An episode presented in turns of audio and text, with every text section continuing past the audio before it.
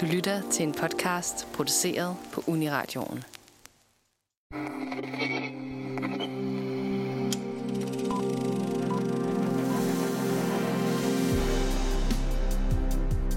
I anledning af påsken har vi valgt at dedikere en hel udtalelse til højtidens hovedperson, Jesus Kristus. Siden filmmediets fødsel har filmskabere forholdt sig til og portrætteret den ikoniske figur på vidt forskellige måder. Og i dag skal vi snakke om tre film, som alle tilgår filmkarakteren Jesus på en unik måde. Velkommen til filmmagasinet Nosferatu.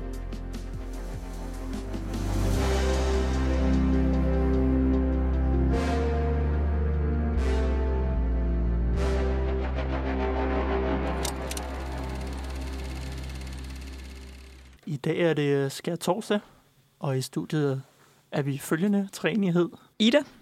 Og Otto. og Mathias. Og vi skal snakke om filmkarakteren Jesus Kristus.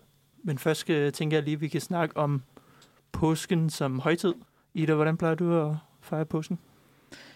Det er, det er efterhånden mange år siden, at jeg har øh, fejret påske, også fordi det er jo ikke rigtig en højtid, men man fejrer som sådan. Det er mere en, sådan en huske øh, højtid på en eller anden måde. Øhm, men øh, da jeg var yngre, har jeg været til mange påskefrokoster hos, øh, hos min farfar, som var præst, og derfor også meget i kirke i, øh, i højtiden. Så øh, ikke så meget nu, men øh, for mange år siden har jeg forholdt mig meget til påske under påskehøjtiden. Ja, Mm. Ja, men fra et meget kristen perspektiv. det må man sige, ja. Fordi jeg tænker også, altså når jeg øh, husker på min barndomspåsker, så var det jo mere påskeharen. og måske nogle påskeæg. Altså det var ikke så meget Jesus, det handlede om. Jeg tror måske godt, at jeg husker det som om, at jeg gik på en lidt kristen skole på et tidspunkt, hvor vi også har været i kirke. Jeg kan ikke huske, om det var omkring julen eller påsken, men ellers så er det ikke, fordi min familie har stemt mig i kirke særlig meget. Så det er ikke, øh, altså jeg har ikke haft et, et kristen perspektiv, men jeg har i hvert fald haft en del påskeæg over årene. Så Ja. ja. det er måske mere det, jeg forbinder det med. Samme, jeg har aldrig rigtig... Jeg kan ikke huske, at jeg nogensinde har gået i kirke i påsken, men har fået nogle gækkebrev, Ja, Mm. har jeg i hvert fald fået, og påskeæg. Hvilket er lidt sjovt, fordi at, altså sådan helt, ja, i, i kristendommen, så er det jo nok den mest hellige dag. Mere end julen er, Ja, vil man jo sige. Og det er jo, det er jo julen, vi, vi går helt amok i også. Det er der, hvor alle går i kirke, og det ene og det andet, og vi synger sange om Jesus. Men det er jo faktisk nu, det handler om ham. ja. Altså det er jo det der med, at de altid siger, at det er jo faktisk ikke engang sikkert, at Jesus blev født i omkring december. Det gjorde han nok ikke engang, han blev født i som om sommeren. Men vi fejrer stadig hans fødselsdag der, og så nu, hvor det rent faktisk er den mest vigtige ting, han gjorde. Offre sig for menneskeheden, og så øh, genopstå et par dage efter. Det, der skete i påsken, det ignorerer vi bare lidt. Ja, det er lidt skørt, at sådan, den vigtigste højtid i kristendommen, den kan vi faktisk ikke helt forholde os til. Nej. Så det pakker vi ind i, at det er påskeferie, og det er dejligt, og der er nogle påskefrokoster og nogle påskeøl. Men øh, at det er julen, hvor vi så forholder os aktivt til, når ja, det har jo også noget med kristendom at gøre. Ja, og Jesus specifikt. Men der tænker jeg også, de, fordi nu, nu griber vi jo ind i, i et tungere emne, end Nosferatu nogle gange plejer at gøre øh, Jesus. Noget, der også kan være kontroversielt. Og måske også bliver lidt kontroversielt, i hvert fald en af de film, vi skal snakke om. Mm. Mm. Øh, men der tænker jeg også, at vi bare skal nævne, om vi selv er kristne eller ej, fordi det er jo også lidt vigtigt. Og jeg kommer også selv fra en lidt kristen familie, så det er noget, jeg har rørt ved, men jeg har aldrig rigtig troet. Men jeg er ret sådan, teologisk interesseret. Altså jeg synes, øh, alt, altså alle de ibrahimske religioner, det vil sige både øh, altså den islamistiske religion og den jødiske og den kristne, og så også de andre sådan mere fringe øh, religioner, der har noget med det at gøre. Jeg synes, de er ret spændende, øh, men det er ikke, fordi jeg selv går og tror på den gode Jesus, selvom han virkede som en rigtig flink person. Jeg ved ikke, om vi har et eller andet, om vi sådan, altså er kristne, eller bare ikke har noget perspektiv på det. Mm, ja, det er det samme som dig. Jeg har også øh, jeg er vokset op øh, som kulturkristen og blevet konfirmeret og døbt, men ikke øh, har aldrig dyrket det sådan selv. Hm? Så Du er det- konfirmeret. Jeg er konfirmeret, ja. Det er jeg ikke engang. Nej. Så jeg kommer i helvede, men det er så, det lever jeg med. Vi får se. Ja.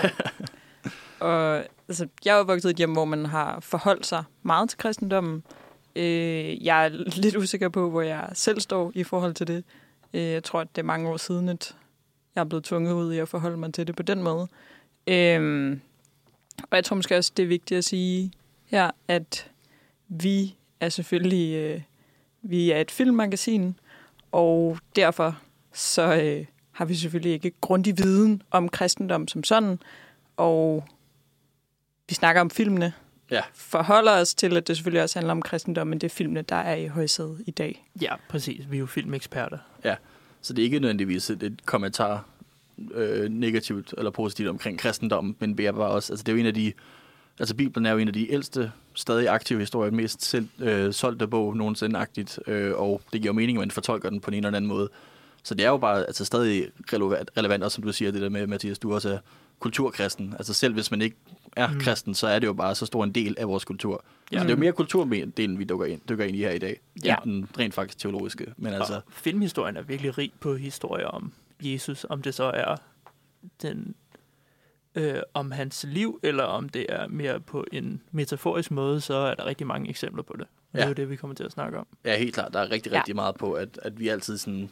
Det der er nogen, der vil mene, at alle historier handler om Jesus, og det kan jeg måske også lidt ind på, for det synes jeg er ret spændende. øh, sådan noget ja. Joseph Campbell-teori. Øh, men det tænker jeg, jeg gemmer til lidt senere. Ja. Øh, det er måske også en tung måde at starte på. Øh, men ja, vi har så vi har set tre film mm. sammen. Ja, ikke sammen, men fælles alle sammen har set dem, som vi kommer til at dykke ned i. Øh, og det er ikke nogen nye film, så man skal ikke bekymre sig om spoilers. Jeg kan godt sige, Altså Jesus han dør i slutningen, men han vender så tilbage igen heldigvis. Ja. Øh, men vi, vi kommer til at snakke, med, snakke om Passion of the Christ øh, med Gibsons fra 2004. Ja. Øh, så snakker vi om Monty Pythons Life of Brian, som jo godt nok ikke rigtig handler om Jesus, men i hvert fald handler om Jesus, eller i hvert fald kristen. Han er med i hvert fald. Han er, ja, og det, det handler jo meget om, om kulturen på det tidspunkt, om ja. kulturen i dag også. Den uh, foregår på Jesus tid. Ja, ja, ja, præcis. Og så slutter vi af med Robocop, Øh, og det, det ved jeg ikke, om man skal gemme og forklare, hvorfor vi vælger Robocop, til vi kommer det. til det. Fordi jeg ja. tænker, så, så, er det lidt, så er det lidt mysterie. Men der er en grund ja. til, at vi vælger Robocop. Ja. ja. Øh. Lyt med senere, hvis I vil vide, hvorfor. det skal nok blive spændende, ja.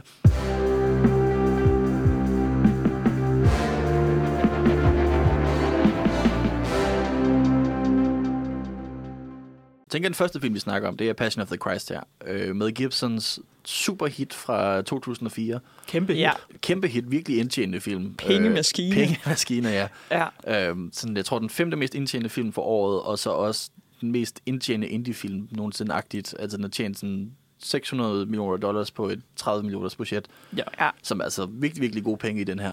Næsten 400 var i USA. Ja. Ja, det, så, det giver mening. ja. Stor hit i USA. det, ja. det, det forstår jeg godt. Øhm, men ja, øh, jeg ved ikke, altså, hvor, om, det er også det der med, hvor meget man skal forklare den, når det er en historie, som de fleste nok kender. Mm. Altså, jeg ved ikke, hvad I tænker her, fordi det er jo netop, altså, det er bare historien om Jesus. Det er de sidste 12 timer af hans liv, fortalt dramatisk. Øh, ham, der bliver dømt og tortureret med fokus på, altså, emphasis. Med kæmpe T. Ja, kæmpe T. Ja. Øhm, og så korsfæstet til sidst. Og ja. så givet den generelle sådan, fortælling om ham, der, hvordan han bliver udfordret spirituelt i det her. Øh, men, altså, skal man give en større recap af det? Jeg ved ikke, hvad jeg tænker. Mm, nej, det er meget godt. Altså, hovedfortællingen er det, men der, der er også øh, flashbacks igennem filmen, som viser tidligere tidspunkter i Jesus liv. Ja. Men ja. det er, hovedfokus er på de sidste 12 timer af hans liv. Ja, ja man får nogle enkelte flashbacks. Ja. Og det er jo så, fordi det er en relativt direkte filmatisering af det, der hedder The Passion i Bibelen ja. som er de sidste 12 timer i Jesus liv. Det er der, hvor han netop spirituelt blev udfordret. Øh, ja. Og så det er jo, altså på den måde er det jo også en meget kontroversiel film. Jeg kan huske, folk også var lidt sure på den. Ja, det virker som om folk var lidt sure på den, før den kom ud. Øh, og også, jeg blev lidt sur på den, da jeg så den, for at være ærlig. Jeg ved ikke, hvad I tænkte. Øh, men det er sådan, fordi når vi siger, der er det der fokus på, eller emphasis on tortur, så er det fordi, der er med et langt segment i den her film, hvor Jesus bare bliver pisket. Ja, det er vel halvdelen af filmen, hvor han bliver pisket og slået og spyttet på og ja. falder i slow motion og andre ja. dramatiske virkemidler, ja. som skal understrege, hvor forfærdeligt han har det. Ja, der er masser af ham, der falder i slow motion, og så støvet, der sådan virvler op omkring ham, og musikken der er bare blevet mere og mere ja. dramatisk, og det er sådan meget, meget stort. Ja, den, ja, den starter forholdsvis stille og roligt. Den starter med, at Jesus han øh, beder til Gud øh, om, at han er bange for det, der skal ske med ham, fordi han ved, at, at Judas-karakteren vil øh, for, forråde ham. Og det ser man sådan sideløbende, at det er det, Judas gør. Og så den første halve time, det handler om, at han bliver sådan, de finder ud af, hvad, hvad de skal gøre med ham, hvordan de skal dømme ham, hvad hans straf skal være, ikke? Ja. Fordi han siger, han er Guds søn. Og så går det bare over i det her tortur, som er, er virkelig ekstremt afbildet. Og ja. det virker som hele pointen med den her film, det er at vise, hvor voldsom en afstraffelse, han får, og hvor ja. meget han lider. Det, det virker som om, det er det, Mel Gibson allerhelst vil vise. Ja, og det er faktisk også, fordi den, øh, altså, den var R-rated, da den kom ud, og så var den så ekstrem, så nogen, der ikke kunne se den, så han Mel Gibson, fordi han gerne ville have alle de kristne kunne se den, så lavede han sådan en mindre voldelig version, som stadig var R-rated. Altså, man skulle stadig være 18 år for at se den mindre voldelige version, hvor han har taget sådan 5 minutter af det mest voldelige vold ud. Ja. Og den stadig var alt for voldelig. Ja, og det er også dens ry. Ja. Den, er, den er, har virkelig et ry for at være ekstremt voldelig, og det, har heller, det er første gang, jeg så den, og jeg blev ved med at udskyde den. Det er Mhm. den sidste, jeg så de film, vi har set. Øh, så jeg var også rimelig bange på forhånd. Ja. Og jeg, det var også ret slemt. Det var virkelig voldsomt. ja. Og den går virkelig i detaljer med hver sådan piskeslag, han får. Ja. Øh, og det også bare bliver ved. Jeg tror, det er også det, er det der sådan, man til sidst bliver sådan helt... Øh, øh, sådan, man hopper lidt i sædet, eller det gjorde jeg i hvert fald, fordi det blev bare blevet ved. Jeg troede, det var sådan overstået. Og så når han skal bære korset op, så bliver det bare ved med, at han bliver ved med at blive pisket. Jeg tror måske også, altså sådan, nu siger du, at den starter stille og roligt op. Det vil jeg argumentere for, at det gør den slet ikke. Altså, der går ved hvad? 10 minutters tid, og så, så er Satan jo lige pludselig afbildet som sådan en androgyn, slangelignende skikkelse. Ja. Ja, det som... var, det ikke, var det ikke den første scene? Jo, Det er nemlig den første scene, Ja. ja, som er lang. Jeg tænkte mere, at det, den starter stille op i forhold til torturdelen. Klart, ja, det er rigtigt, klart. ja. Ja.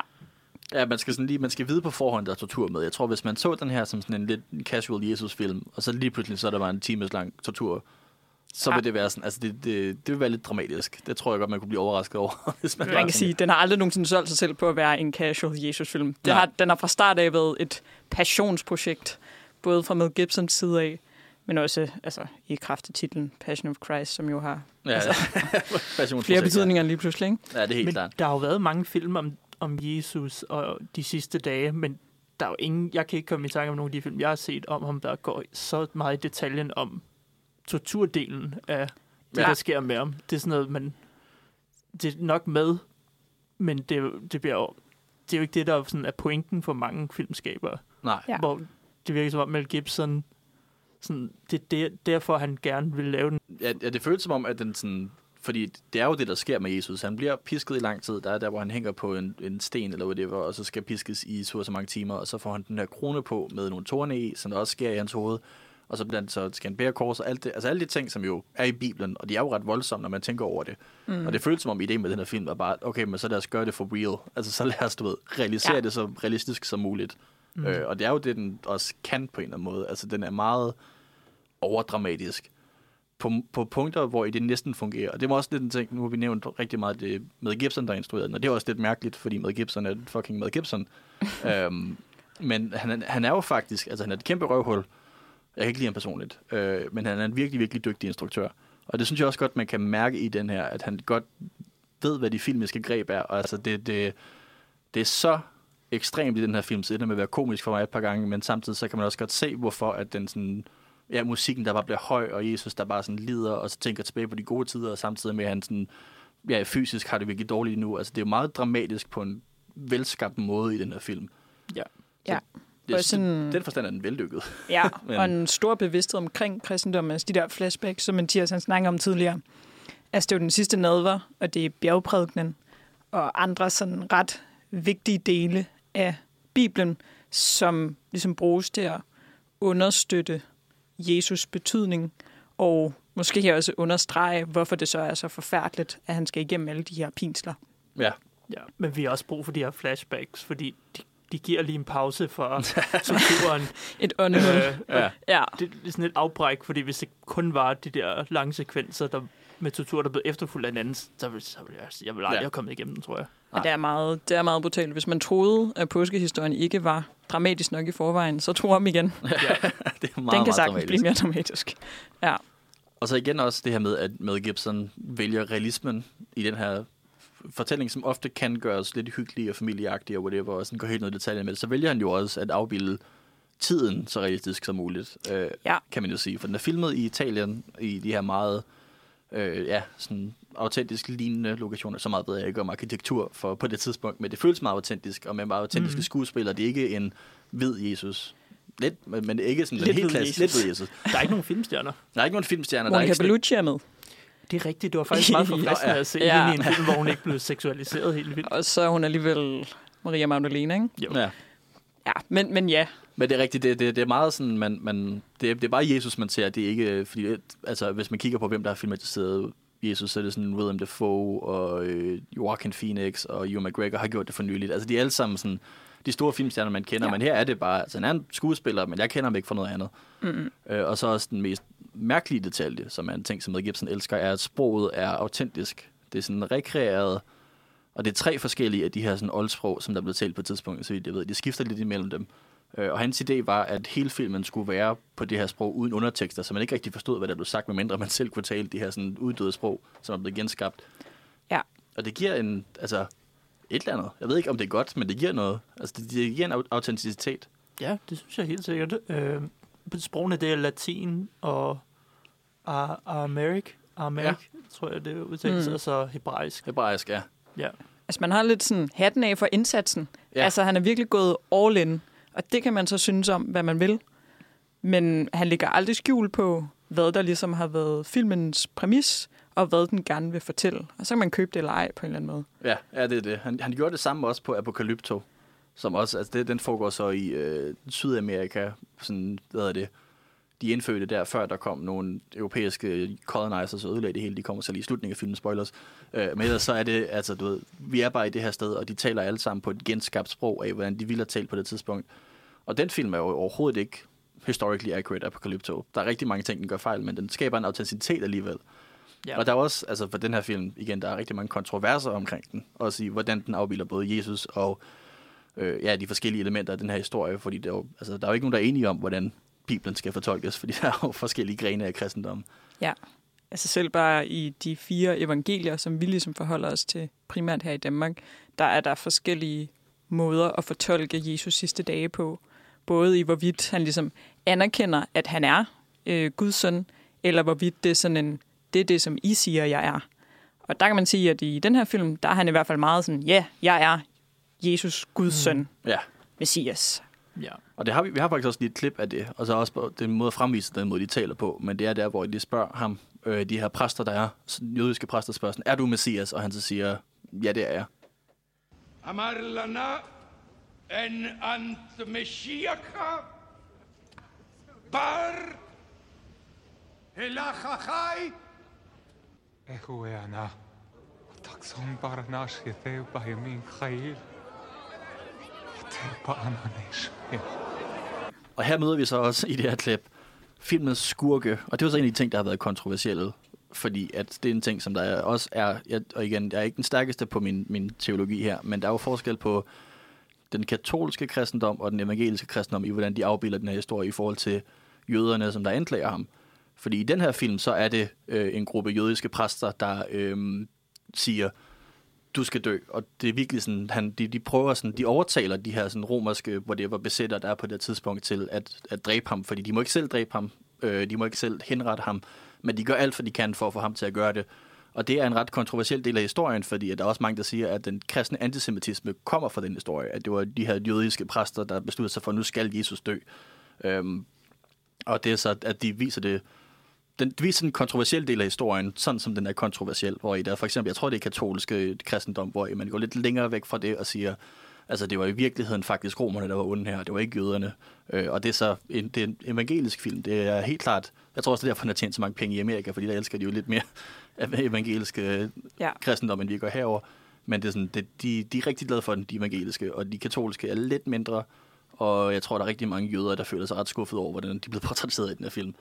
Ja, der er meget jøderne, som bliver gjort til, til skurke i, i den her fortælling. Ja. Og det er også altså sådan et helt mærkeligt take, at øh, Pontius Pilatus, han er næsten sådan lidt, altså har, har tvivl omkring, om Jesus overhovedet skal korsfæstes, så bliver faktisk portrætteret ret sympatisk Ja, i forhold til, det er ham, som ifølge Bibelen, altså piner ham. ja, ja det er så ham, den romerske leder, Ja, øh, som også, ja, igen, der er også en meget fascinerende ting, det her med, i forhold til, om man tror på kristendom og en og det andet, men at vi jo historisk set ved, at der har været en figur, der hed Jesus, der er rundt på det her tidspunkt. Og der har også været en figur, der hed Pontius Pilatus, eller i hvert fald en figur, der svarede til, som også bare har henrettet rigtig mange mennesker. Vi ved, at den person rent faktisk har været eller i hvert fald har været sådan meget voldelig. i ikke sin, en, ikke en fed fyr, tror jeg. ikke en fed fyr, ja. Hvor i den her netop vælger at portrættere ham lidt af historisk, som om han sådan, ah, men jeg ved ikke rigtigt, om jeg skal dræbe ham Jesus der. Han Og har så- lidt nogle kvaler, ikke? Altså, Ja. det, det Jo, synes han er, jeg. han er meget sympatisk i den. Ja, Og det er jo så det er jo, altså, lidt kontroversielt. Det farver også filmen. Jeg vil, jeg vil ønske, at det... Fordi jeg synes, der er meget i det her, som jeg godt kan lide. Jeg kan godt lide film, der sådan, du ved, virkelig bare svinger hårdt med battet og ser, hvad der sker. Og man kan virkelig sige, at den dedikerer sig til sin vision, den her. Den gør noget helt anderledes, og den gør det godt. Men samtidig fik jeg også bare lundt i maven over, at den portrætterer ja, jøderne så negativt, fordi det er så igen, det er med Gibson. Han Ja. har også sagt Ja. nogle lidt antisemitiske ting. Det er nemlig det, der også er problemet, at han også har sagt de her antisemitiske ting, så. Ja. så man, det gør det bare endnu mere ubehageligt, synes jeg. Ja, det, det, det farver det rigtig meget.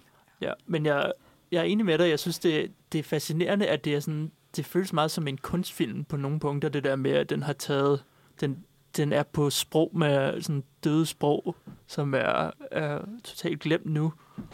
Men samtidig så var det en kæmpe blockbuster. Ja, Ja, det er Det er, meget sådan, øh, det er et sjovt, øh, øh, sjovt sted i filmhistorie, Ja. den, den indtager. det er ret vildt, ja. Ja. Og så også, altså, det er så også det sjovt det her med, at den er så realistisk, og den så samtidig også gør de her, altså de her flashbacks, og den måde, den portrætterer satan og dæmonerne og de forskellige visioner, noget af det, som også bliver sådan meget kunstnerisk på en eller Og anden måde. monstre, Ja. ja. der dukker også bare sådan nogle Ja. monstre op. Øh, Judas ja. ser sådan de der små børn, der, Ja, der bliver til dæmoner. monsteransigter. Og, Jeg tror, det skal lidt forestille at være afbildninger af satan. okay, Ja. Og, det, og man ser det også, da Jesus skal bære korset op til Golgata. Der ser man også nogle børn, som ligesom får sådan nogle forvrængede ansigter, som på en eller anden måde skal være satan, der i agtager Jesus lide og nyder det. ja, altså Satan går ikke ind øh, fra starten sådan hele vejen igennem, ikke? Jo, Øh, men jeg tror, de der børn også er, øh, Ja, en del af ham. ansigter af satan Okay. på en eller anden måde. Ja. Satan har mange ansigter. Mm. Og man, man ser også en ret fed vision af helvede til sidst, føler jeg. Fordi man ser satan ja. der, hvor at, at Jesus, han, han du ved, overgiver sig til sin tro og ikke, ikke knækker. Så ser man satan, der sidder og skriger i sådan et helt tørt ørken. Det er ikke sådan brændende helvede, det er ham, der er sådan fanget i sådan... Der er døde omkring ham, og ellers så er det bare helt isoleret. Og det var sådan, jeg kan godt lide visionen af det. Der er rigtig Ja, ja, mange Helt sikkert. elementer af det her, jeg synes, der er ret spændende.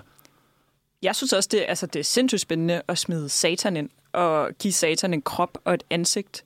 Ja, Og også ret spændende at gøre satan sådan, som lidt androgyn karakter. Fordi jeg havde svært ved at vurdere, er det en kvinde? Er det en mand? Mm. ja. Ja, Mest af alt bare lignede sådan en slangelignende skikkelse. Det synes jeg egentlig er ret godt Ja, det er rigtigt. løst. jeg fik mange associationer til Voldemort.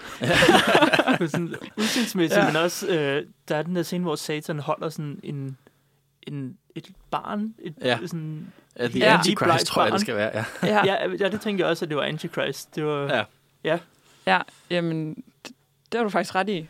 Øh, Jeg kan jo også lige melde ind, at øh, det netop i år er blevet bekræftet, at der, der kommer sgu en opfølger. ja, Passion of Ja. the Christ 2. Ja, Jeg håber, den hedder Passion of the Christ 2, fordi det er den sjoveste titel, den kan have. Den hedder The Passion of the Christ Resurrection. Og øh, ham, som også spiller Jesus i Passion of the Christ, han har skrevet, eller han har sagt, It's going to be the biggest film in world history. Selvfølgelig er det det. Ja. Den største historie i verdenshistorien, ikke? Så Og sådan, det er fedt bare at altså sådan vide, ja, vi laver en fed film nu. ja, I kommer til at elske den. det, det, det gør det evangeliske i hvert fald nok. Det er sjovt, den kommer ud nu. Jeg ved, Ja. for det, altså, Den har været mange 20 år undervejs, siden, tror jeg. Den skulle komme ud næste år, og så er det 20 år siden, den, den første kom ud. Han har arbejdet på manuskriptet, Mel Gibson har arbejdet på manuskriptet siden 2016. Ja. Så det har været et projekt, der har været længe undervejs. Men ja, det, jeg, jeg er spændt på, om den bliver lavet. Jeg er spændt på, om den bliver god, fordi det her, det er jo sådan, det er jo den, altså det, det var historien. Det, altså, så vidt jeg forstår, så handler det jo så om de her dage efter, at han genopstår, og der er noget med Jesus, han Ja.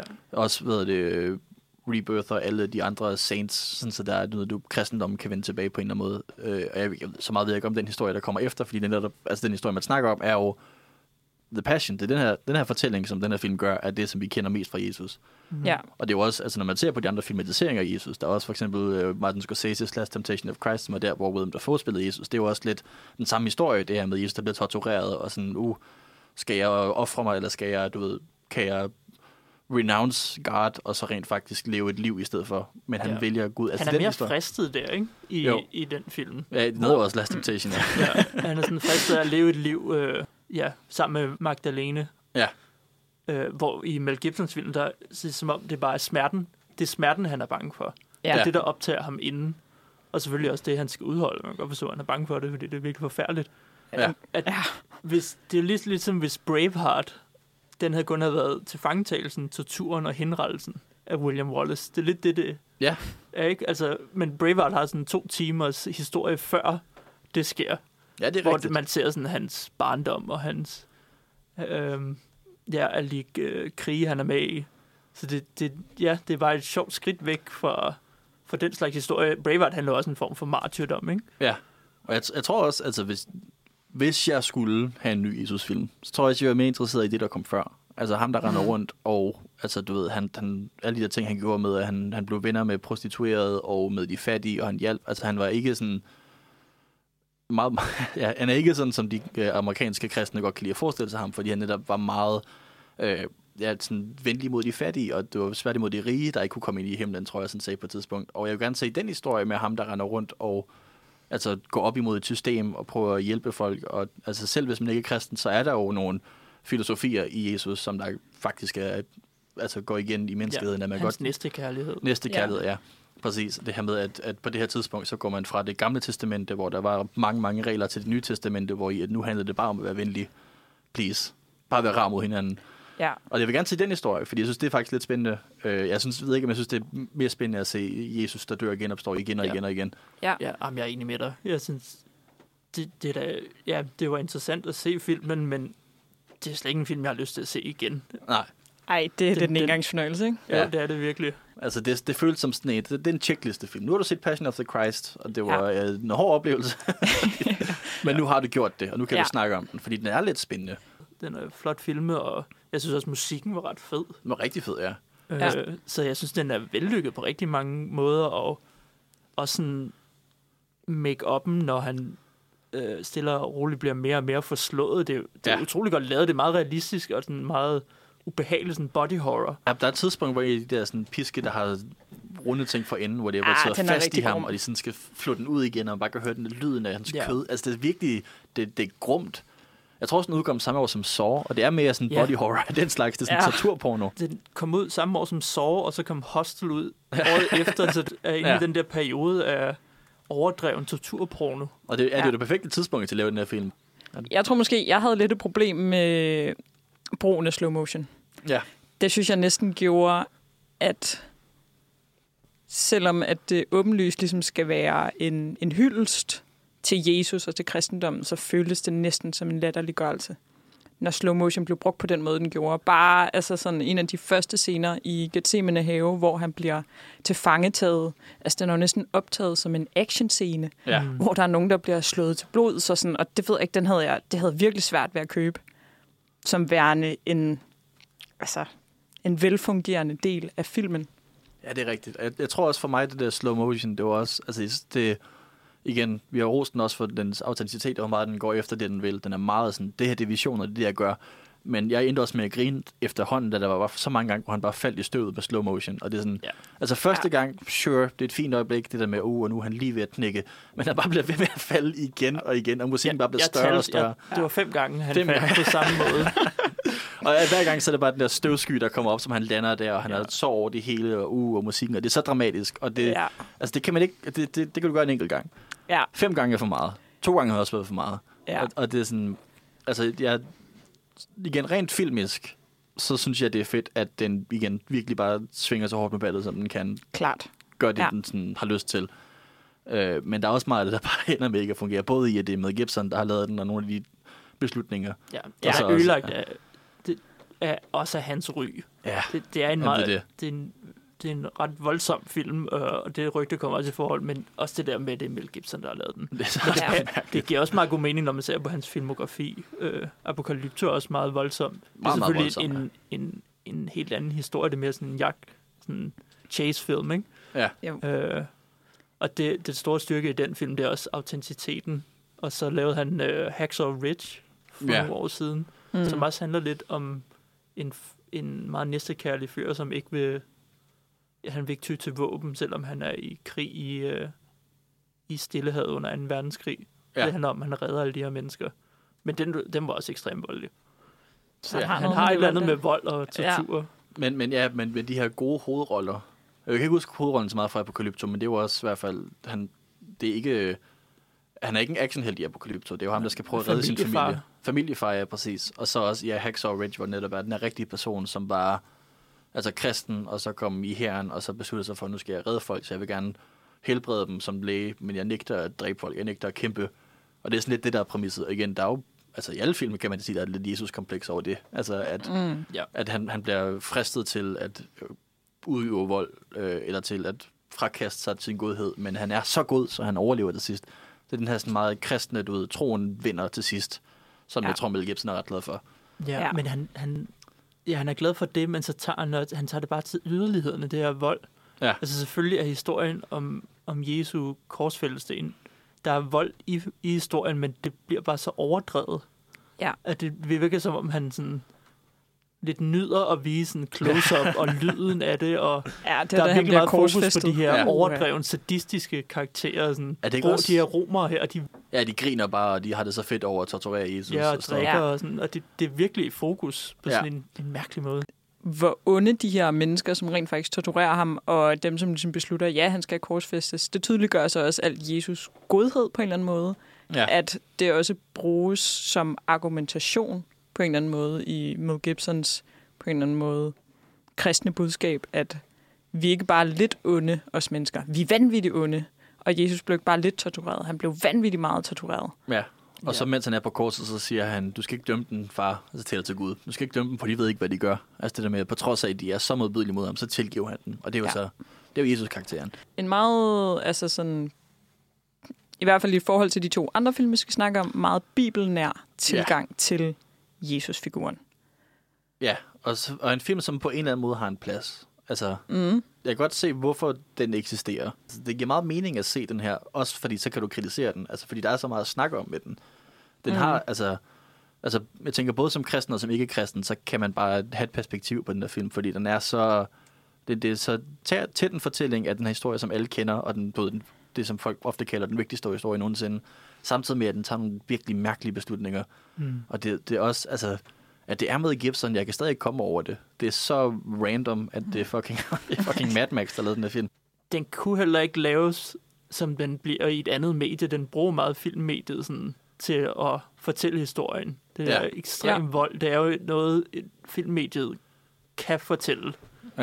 Ja, det på er en rigtigt. meget øh, Man kunne ikke bare i en... i effektfuld måde. Også musikken og alt det her. Det, han bruger virkelig filmens styrke til at fortælle historien. Og, det- altså, den, den rørte mig også. Altså, jeg blev sådan, men Ja. jeg følte mig også meget manipuleret af den, fordi den var så overdreven i, i, i volden, men også sådan følelsesmæssigt i det der flashback, ja. ja. som Mm. jeg føler er bare sådan, ej, er det ikke, er det ikke bare øh, synd for ham? Og selvfølgelig er det synd for ham. Men det er, meget, det er rigtigt, det er meget mere manipulerende. Men jeg synes også, det er sjovt, det der med, at man ikke rigtig kan gøre andet end at filmatisere den her version. Fordi hvis man skulle skrive, altså nu har jeg ikke læst Bibelen så tæt, men hvis man skulle skrive den her version ud, så er det bare sådan, og så blev han pisket igen, og så blev han pisket igen, og så blev han pisket igen. Ja, jeg ved i hvert fald også, at øh, i Jesus Christ Superstar, der er der for eksempel rigtig meget fokus på Judas. Han spiller, altså muligvis, hoved... Ej, Jesus spiller hovedrollen i Jesus Christ Superstar, men Ja. Judas spiller en, altså en kæmpe rolle i forhold til, at ja, han hænger sig selv i løbet af de første 20 minutter i den Ja. her film, og så er han ligesom ude af ligningen, hvor der altså varierer det også fra forskellige film, der portrætterer Jesus, hvor meget Judas-figuren fylder.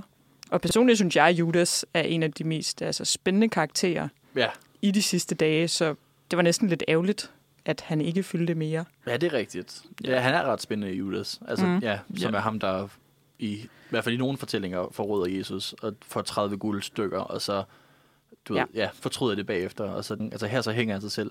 Der er også nogle versioner, hvor i, han bare dør. Altså det er ikke Mm. sådan, at der, han begår selvmord, og nogen dræber ham. Han, hans mave sprætter bare op. Og jeg blev overrasket over, at det ikke var det, med Gibson gjorde, fordi jeg hørte det der med, at han sprættede op, og han så gav og fløj ud. Det er sådan, det er da lige med Gibson. Det var Ja, det er lige i stil med... men, men det er så også fordi, at og igen, nu kommer jeg tilbage til antisemitismen, fordi Judas karakteren er der også diskuteret, om han rent faktisk var en del af den originale historie, og Judas betyder bare jøden. Mm. Øh, altså navnet stammer fra ordet jøde, så det er Okay. også altså sådan, Så det er jøden, der forråder ham. ja. Vildt. Og, og det er også, altså jeg, jeg vil også synes, igen, jeg vil også synes, det var ret spændende at se en dramatisk filmatisering omkring Judas. Altså, hvorfor mm. gjorde han det? Hvad var han? Alt det der sådan, og, og han blev tilgivet af Jesus, og han, hvordan kommer han videre fra det? Altså, det er også en rigtig god fortælling i det. Ja. Ja. I stedet for bare at gøre ham til den her sådan, du ved, han forråder Jesus med det samme, vi får ikke vide hvorfor. Han får bare de 30 guld, og så fortryder han med det samme, og så begår han selvmord. Mm. Og det er alt, hvad han gør i den her film. Men jeg, der, er- jeg, jeg er ret sikker på, at der er lavet en film, hvor det er set fra Judas øh, Ja, det er der nok, perspektiv. ja. Må ikke. Fordi der er alle de her, der er virkelig lavet mange film om det her tidspunkt, hvor det er andre mennesker, der har øh, hovedrollen. For eksempel, vi snakkede om dem med Rockin' Phoenix, Mary Magdalene fra 2018 med Rooney Mara. Og så er der også øh, en filmklassiker som Ben Hur, Ja. som, hvor det er Charlton Heston, der spiller en slave på samme tidspunkt, som Jesus lever på. Og kommer også til at snakke om en film, hvor Jesus er birolle-karakter er i bag, baggrunden. Ja. Øh, den næste film, vi skal snakke om.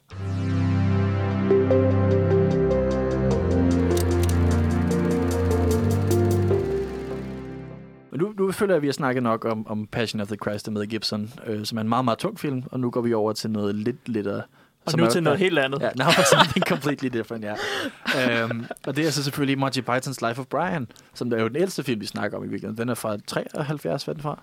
Nej, den er for 79. 79, nå, okay, Ja. lidt senere, ja. Men det er stadigvæk sådan, det er en, en lidt ældre film, øh, og det var også den var rigtig kontroversiel, da den kom ud. Øh, Monty Python kom under rigtig meget skrald for at filmatisere Jesus, hvilket de så Og gør grin på. gør. Gør, Gør grin med det ja. hele. Ja. Det er så det. Men den handler jo ikke om Jesus. Det er jo så en anden ting, for nu har vi snakket rigtig meget om en meget, meget bogstavelig Jesus-film. Men det er det, der Life of Brian. Han blev født ved, lige ved siden af, hvor Jesus blev født. Ja. Så meget ved siden af, at de vise mænd simpelthen lige tog fejl. Ja. Ja. Kom til at gå forkert. det kan jo ske. Ja. Ja. Ja. Og, det, og det er sådan en af de der, det, det er jo altid lidt svært, når man skal, skal anmelde en, en komedie, fordi man har bare lyst til at gengive jokesene og sige, at de er sjove, men de er ikke sjove, når man gengiver dem. Man skal bare se den. Ja. Men man kan i hvert fald snakke om, hvordan den portrætterer Jesus. Øh, fordi det er jo netop det her med, at det handler ikke om Jesus, det handler om Brian, som bare er en helt tilfældig, almindelig fyr.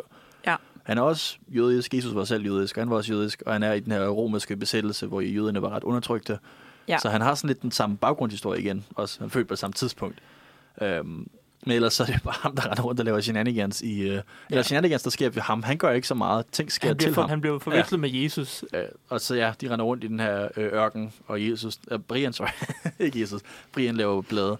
Øhm, og den, altså igen, den var ret kontroversiel på det tidspunkt. Der var mange, der var sure over den. Hmm. Og altså, måske hvad den største vinkel, den har, er jo, at den i virkeligheden ikke snakker så meget om Jesus selv, men den snakker om folk, der fulgte Jesus. Snakker sådan mere om religion. Ja. ja, der er sådan lidt noget kollektiv stupiditet på en eller anden måde over de mennesker, som, som følger Jesus. Og den udstiller på en eller anden måde absurditeten, der er forbundet med Jesus og korsfæstelsen, og egentlig også Jesu fødsel, og de her mennesker, som tror på mirakler for enhver pris. Ja. At det ligesom er det, der gør den kontroversiel på en eller anden måde, fordi den jo ikke forholder sig til, til Jesus som figur og gør grin med ham, men den gør grin med alt, der er omkring Jesus, og Ja. det, som skaber Jesus som messias på en eller anden måde. Der er rigtig meget Jesus-ikonografi i den. Han Også er det- ikke rigtig med. Han er, han er med i starten, ikke? Der er Jo. lige en scene, hvor han holder prædiken. Han er bare sådan i baggrunden. Han mm. er der Mhm. bare. Øh, men det er så, ja, fordi han, han bliver ret hurtigt, ikke forvekslet med Jesus, men forvekslet med et messias. Altså, de sådan tænker, at uh, det er ham her, der, er, der skal lede det jødiske folk til deres nye land, og fred og det ene og det andet. Øhm, hvor han jo bare er en helt almindelig person, og han er sådan, nej, men jeg er ikke messias, jeg er bare en helt almindelig person, og I skal ikke følge mig. Og, og uanset hvad han gør, så fortolker alle det som, at det er en eller anden metafor, eller det er et eller andet stort. At Brian bare er en helt tilfældig person, som der ikke har så meget at sige, men folk vælger at læse alt, hvad han siger til noget utroligt dybt. Ja, Ja, de fordrejer alt, hvad han siger til Ja. plads til deres, øh, deres ønsker og behov. Ja, der er en ret Ja. fed scene, hvor han taber en sandal, og den her flok, der løber efter ham, de har så, der er sådan fire forskellige fortolkninger af, hvad den her sandal betyder, hvor de er sådan, nej, vi skal alle sammen tage vores sandaler af. Sådan, nej, nej, Ja. det handler om, at vi skal tage ja. alle vores sko af, eller det, eller de, sådan, de står sammen bare og diskuterer. Det er sådan, han har ikke engang gjort noget, han tabte bare en sandal, men de begynder med det samme at diskutere religion. ja. Det er meget vellykket satire, må man sige. Det synes jeg også. Ja. Ja. Men jeg, jeg må faktisk også indrømme, at, og det er også en film, jeg har set tusind gange før, men jeg var en lille smule skuffet over den. Og jeg tror også, jeg har haft den samme oplevelse igen med Holy Grail. Og jeg, jeg ved ikke, om problemet er, at alle jokesene er så ikoniske, at de stopper med at være lige så sjove, som de er, hvis man bliver overrasket af dem. Fordi der var bare flere gange, hvor jeg føler, altså, hvis man, hvis man ser bort fra komikken i den her, og det er jo en rigtig sjov film, hvis man ser bort fra komikken, så synes jeg både Holy Grail og Life of Brian ikke rigtig har nok plot. Altså, jeg kan godt lide en komedie, der har et plot, og der er meget i den her film, hvor det er bare Brian, der render rundt og ikke rigtig Ja. ja. gør noget. Og så sker der nogle ting til ham, og der er ikke sådan en, en drivkraft i den. Ja. Og man kunne sagtens have fortolket det mere sådan, okay, han, han er i den her Judean People Front, eller hvad de kalder det, øh, og så han går imod romerne, og der er nogle fede scener med det. Man kunne godt have gjort mere plot ud af det. Man kunne godt, og det er også svært at kritisere Monty Python, fordi det er Monty Python, vi ved alt sammen godt, hvad det er, vi ved godt, hvad det ja, prøver det på. skinner virkelig igennem, at de kommer fra en baggrund med at lave sketches. Ja, Og det føles som om, det vigtigste i filmen, det er, at den er sjov. At, at de enkelte sketches virker, det er det, der, det Ja. der var det vigtige for dem, frem for at fortælle en, en gribende historie. Så det, så går de mere op i, at sådan, er det sjovt det her, er det sjovt at, at snakke om det, ja, den her vinkel. Det tror jeg mere, det er det, de er gået op i. helt og jeg, jeg er enig med dig. Jeg synes faktisk, øh, de to film, øh, Holy Grail og Life of Brian, de passer bedst til at, sådan, at se klip på YouTube. Ja. Gå ind og se øh, ens yndlingsklip, frem Ja. for at jeg har, sådan, har lyst til at se filmene i deres helhed. fordi jeg synes, det er meget hit and miss nogle gange. Også i Life of Brian, jeg synes, der er mange ting af dem, jeg ikke synes, det var særlig sjovt, der er ikke særlig, der er holdt særlig godt. Så er den der, der er sådan trans-jokes med den ene karakter i... Nå, ja. Ja. Det, det, det, det malker de ret meget, som jeg slet ikke synes var særlig sjovt. Og Nej, så det er var der lidt random. Nogle Og vold, sådan- en voldtægtsjoke, og sådan, der er sådan... Er der nogle ting, der ikke er ældet så godt, må man sige? Ja, Ja. ja. Ja. Og så er der andre ting, der, er sådan, der stadig er øh, virkelig, virkelig sjove, synes jeg. Ja. Som holder godt, men de er blevet så ikoniske, at, at man glemmer lidt øh, helheden, som den er en del af. Ja, ja, det er det. Ja. Øh, vi har et klip af, en, hvad jeg synes er den sjoveste scene, hvor i det er den her øh, folkemængde, der har fulgt efter Brian og insisterer på, at han er messias, og han prøver at forklare dem, at de ikke skal følge efter ham.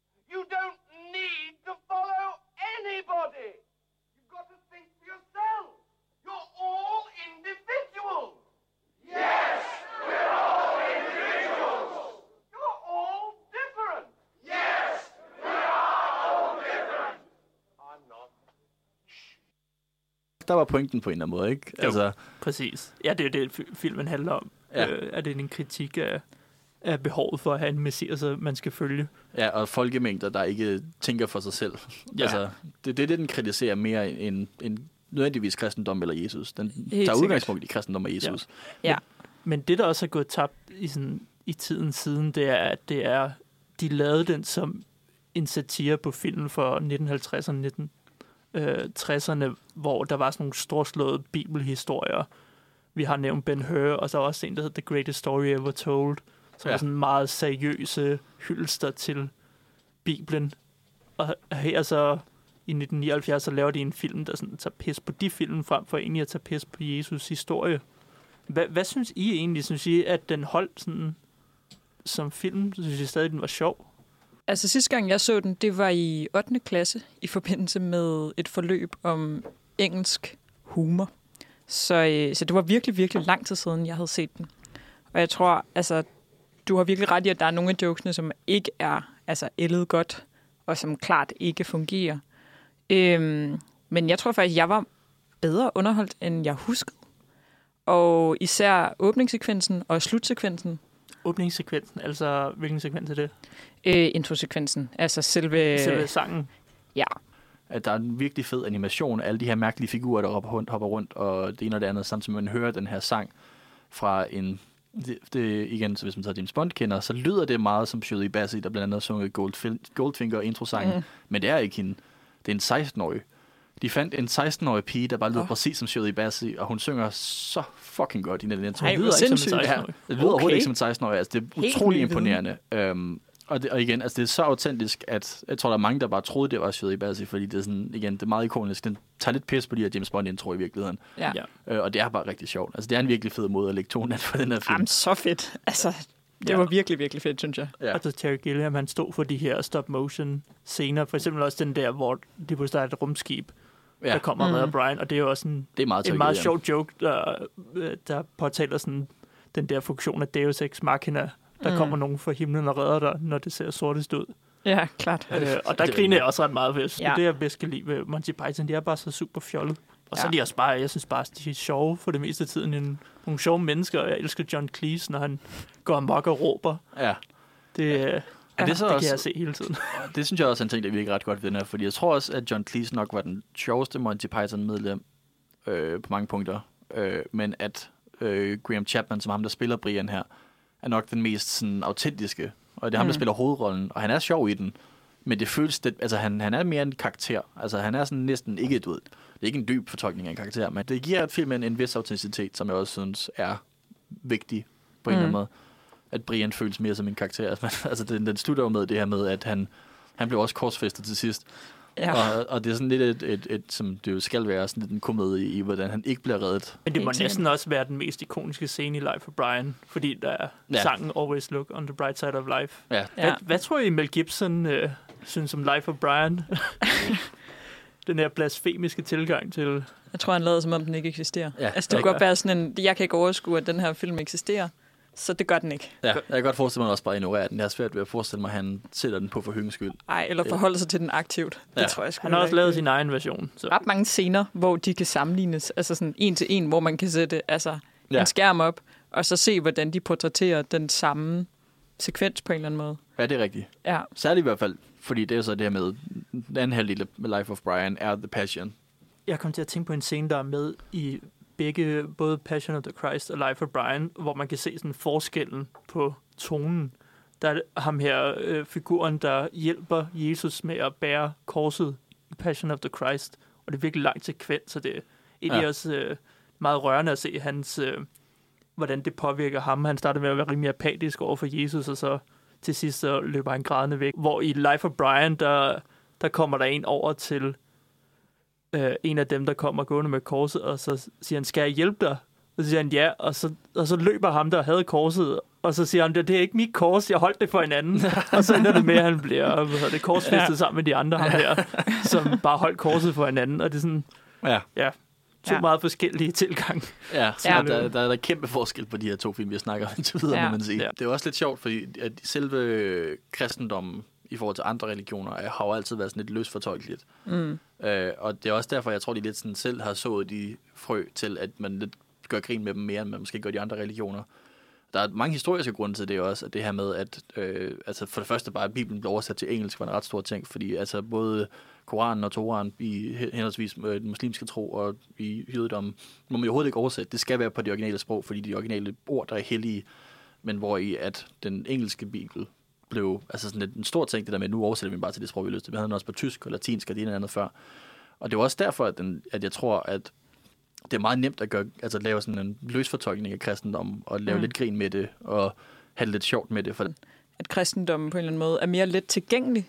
Ja. Altså det øjeblik, at troen er noget, alle kristne på en eller anden måde kan tilgå det øjeblik, at Bibelen er oversat til alle sprog på en eller anden måde. Det Ja. tror jeg, du har ret i, at det gør, at det er nemmere at lave historier over Bibelen og over Jesusfiguren og over alle de skøre øh, myter og ting og sager, der Ja. findes i Bibelen. Altså det siger jo alt, at der er lavet en dansk julekalender, der hedder Jesus Josefine, der har kørt i bedste det. sendetid i 2003 eller noget den dur, hvor man simpelthen lader en 12-årig pige blive forelsket Jesus og de to, ikke? Altså det Ja. er jo det er jo for vildt, at det kan lade sig gøre. Ja, og det er jo så også, man kan lige forestille sig, at det var DR, der lavede den, eller var det TV2? TV2. TV2, nej, men det er stadigvæk, de nok bare sødt tænkt, ah, men så er det jo også det der at formidle noget kristendom til vores, Mm. vores unge danskere, der måske ikke går så meget op i det. Ja. Men samtidig så er det jo også på en eller anden måde blasfemisk. Det føles meget mærkeligt at lave en, en julekalender omkring et børn, der bliver forelsket i Jesus. Altså, Ja. jeg tror ikke, den er gået i USA. Nej, Går altså, måske lige i Danmark. vi har jo men nok også en mere afslappet forhold til Jesus i Danmark. det, Helt det, bestemt. det er ret spændende også. Men det er så en, en større diskussion, det her med, Ja. at fordi vi har en folkekirke, så er der også grund til, at vi ikke går så meget op i kristendom, at det nærmest er omvendt. Mm. Fordi i USA, der har de jo ikke nogen folkekirke, så alle de kirker, de skal virkelig reklamere for sig selv, og så bliver det meget stort, mm. og så er det de her... Ja, det er en helt anden industri, der er en kirkeindustri i USA, hvor vi overhovedet ikke... Altså, der er mange, der bare er kristne, Ja. som, som dig, der er blevet konfirmeret, men ikke rigtig er kristen. Altså, Mm. mm. det, det forhold, det har man lidt unikt i Danmark, Mm. som nok gør, at vi kan lave en Jesus og Josefine. Den, Ja. havde, ikke- den havde ikke gået i USA. Nej. Og altså, for afrunde måske de her film, som laver sjov med Jesus, altså er der andre film, som I ligesom kan komme i tanke om, som forholder sig til Jesus på en satirisk måde? Ikke film altså- med komedieserie, synes jeg, sådan South Park, kan jeg Mm. huske også havde en Jesus-karakter, der var sådan ret voldelig. øh, En voldelig Jesus? ja, en voldelig Jesus, og sådan, Okay, var, sådan, vildt. var en del af sådan øh, et slags Avengers-hold mm. øh, i South Park. Ja. Men ja, nej, kun sådan en komedieserie. Ja, det er Ja. fordi, han, han vender op, Simpsons tilbage som karakter flere gange. Ja. Ja. Jeg føler også, at jeg har set flere gange, at du ved, Jesus dukker op som en anden komisk karakter. Også i, ja, for eksempel South Park. Jeg tror også, at det er måske mere Gud, der dukker op i Simpsons, men stadigvæk sådan... Ja, det er Det- rigtigt. Han ja, dukker, han dukker ret tit op, og Mm. Gud kommer også, du ved, man ser kun hans hånd, men det er stadigvæk sådan Gud. Mm. Og så også, altså tidligere Monty Python, der var Gud også været en karakter flere gange. Også ja. i, i Holy Grail. Men øh, nej, ikke, jeg, jeg kan ikke komme i tanke om så mange andre. Nej. Det er nok også bare Life of Brian, man mest af alt tænker på, når man snakker Jesus og satire. Ja, jeg tror også, den dækkede det på en eller anden måde. Det må man sige. Den næste film, vi skal snakke om, er også satire, hvor der er noget øh, Jesus, øh, en del af det, Det er men på en. Ja. på, en, på en helt anden måde. Hvis man Brian. ved, hvad man kigger efter i hvert fald. Ja, den Ja. bruger Jesus som figur, som arketype i hvert fald.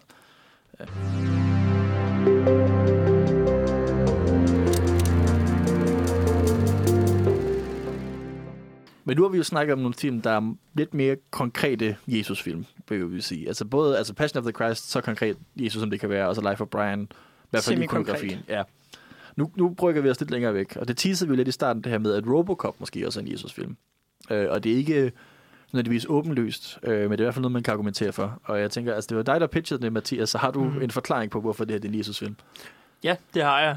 Øh, den spiller lidt ind i en tradition, startet i litteraturen, hvor hovedrollen i ens fiktive øh, historie har elementer fra Kristus, called the Christ figure på, øh, på engelsk. Det findes over det hele i øh, litteratur og i film.